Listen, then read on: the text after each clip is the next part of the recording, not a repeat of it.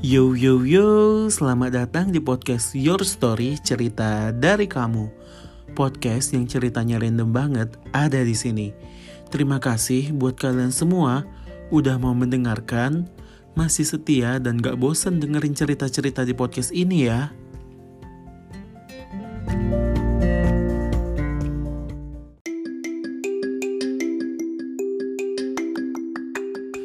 Satu minggu yang lalu, Tepat kejadian dua tahun yang lalu aku baru mengetahui nih hari ulang tahunnya.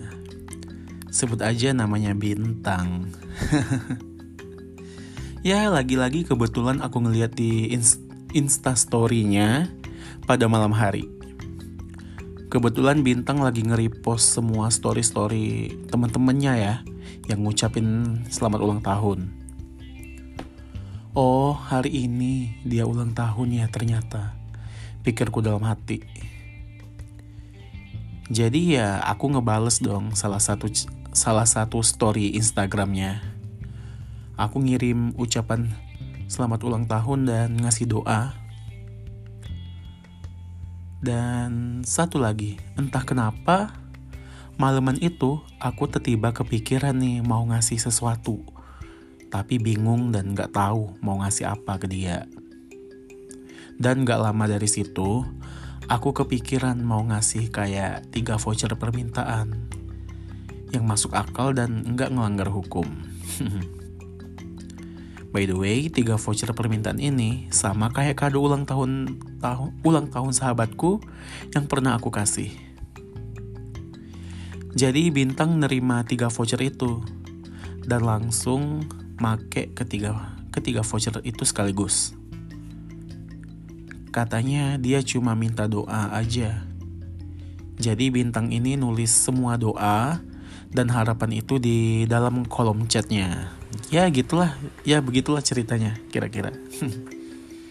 oh ya, ngomong-ngomong kura-kura hewan peliharaan aku ulang tahun juga satu minggu yang lalu birthday yang ke-14 tahun.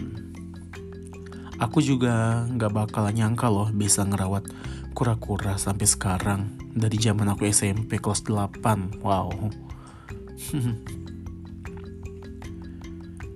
um, mumpung lagi ngobrolin tentang ulang tahun nih. Ada orang yang seneng banget ya. Udah gak sabar mau ulang tahun. Hari yang ditunggu-tunggu. Mau ngerayain, nge-repost story ucapan dari teman-temannya di media sosial. Hari spesial banget. Ada juga orang-orang yang apa ya, yang nggak begitu excited sama hari ulang tahunnya. Biasa aja, sama kayak hari-hari biasanya. Nggak begitu peduli, nggak spesial, nggak mau inget sama hari ulang tahunnya. Bahkan ada yang bilang, oh besok aku ulang, ulang tahun ya. Ya sok-sokan lupa atau emang lupa ya?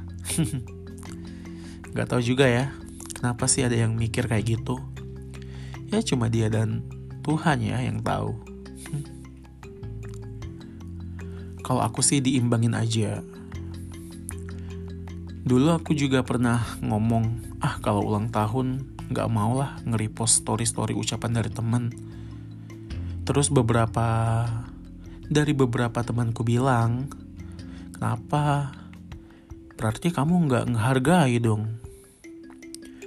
Sebenarnya bukan nggak mau ya, dan nggak ngehargain sih.